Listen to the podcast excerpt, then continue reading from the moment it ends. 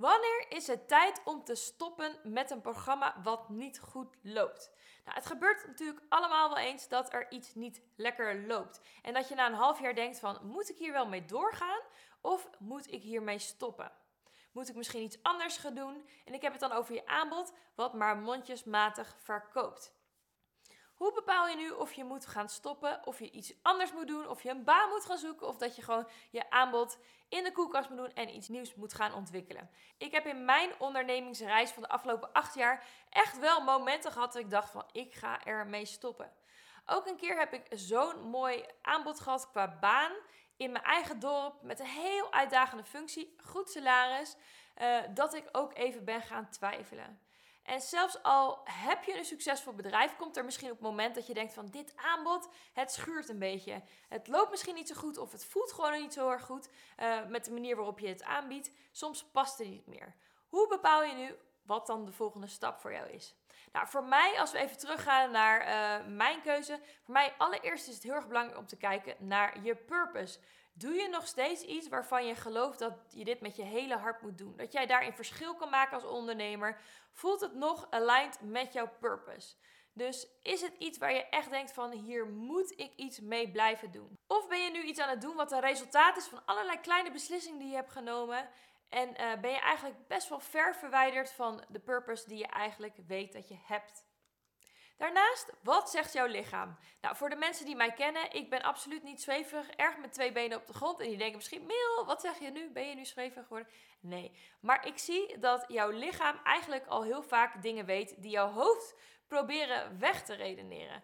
Toen ik een aantal jaar geleden die baan aangeboden kreeg, hoe ik merkte dat ik niet ja op dat antwoord moest geven, is omdat ik echt zo'n steen in mijn buik had, een beetje misselenmakend gevoel had in mijn onderbuik bij het idee om die baan aan te gaan nemen en mijn eigen dromen en mijn werk, mijn visie, mijn purpose in de koelkast moest laten staan. Mijn kinderen waren toen nog echt een stuk kleiner, dus uh, ik kon de illusie wel vergeten dat ik dat ook nog eventjes naast mijn baan zou moeten doen. Het was ook echt een fulltime baan. Dus het voelde gewoon niet goed in mijn buik. En dat is ook het moment dat ik realiseerde, ja, ik moet afbellen, dit ga ik niet doen. En daarna voelde het ook echt als een opluchting. Maar soms moet je echt op dat kruispunt staan voor je gevoel dat je pas echt kan inleven hoe je op dat moment voelt. Dus wat vertelt je onderbuikje? Soms proberen je hersenen jezelf te overtuigen van reden waarom iets wel zo is, terwijl je eigenlijk van diepste van binnen al weet dat je het niet moet doen. Dus wat vertelt jouw lichaam? Nu kan het misschien zijn dat je aanbod niet helemaal lekker loopt, hè? Dan is mijn vraag aan jou: hoe verliefd ben jij op je eigen aanbod? Zou je dit zelf jaren geleden zonder twijfels hebben gekocht? Of heb je misschien niet echt iets gecreëerd met de klant in gedachten? Dus ben je niet 100% verkocht op je eigen aanbod, dan moet je hiermee gaan beginnen. Ga iets maken wat jouw klant en jezelf in vuur en vlam zet.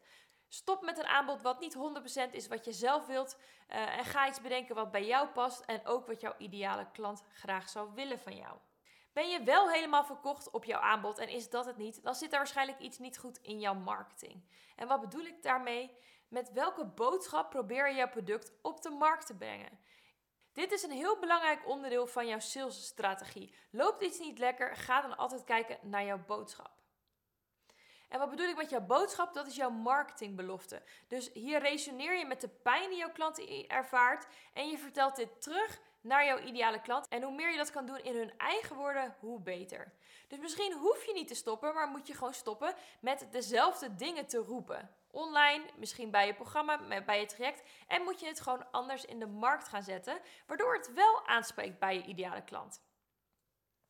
Merel, is er dan nooit een reden om te stoppen? Ja, zeker wel. Ik geloof dat als je nog niet genoeg inkomen realiseert met je bedrijf of met je aanbod en het lukt niet om nu het een en ander van de grond te krijgen, dan zou ik zelf voor zekerheid gaan. En natuurlijk is een baan ook niet echt heel erg veel zekerheid. Hè? Alles is natuurlijk een beetje verkapte zekerheid. Maar het allerbelangrijkste is dat je natuurlijk gewoon je gezin kan voeden en dat je ervan kan leven. En soms is het goed om even tijdelijk uh, een baan of iets erbij te doen, want dan heeft dat je hoogste prioriteit. Is dat het niet? Dan is als allerlaatste zou ik zeggen, doe ook een kijkje in de spiegel. Dan wordt het natuurlijk wel een beetje persoonlijk. Maar zou jij de persoon hoe jij nu online bent, hoe jij nu je, uh, je business leidt, zou jij de persoon zijn waarvan jij een aantal jaar geleden zonder problemen hebt gekocht? Dat wil zeggen, kom je over met autoriteit, met expertise? Kom je zelfverzekerd over? Ben je consistent in je communicatie of ben je er maar sporadisch online? Soms is er iets te veranderen in onszelf om echt de ondernemer te zijn waar mensen van willen kopen. Misschien hou je jezelf misschien wel ergens klein of verstop je je nog te veel en dan is een kijkje in de spiegel de volgende stap. Nou, ik hoop dat dit geholpen heeft, mocht je twijfelen of je met iets in je businessmodel moet gaan stoppen of niet.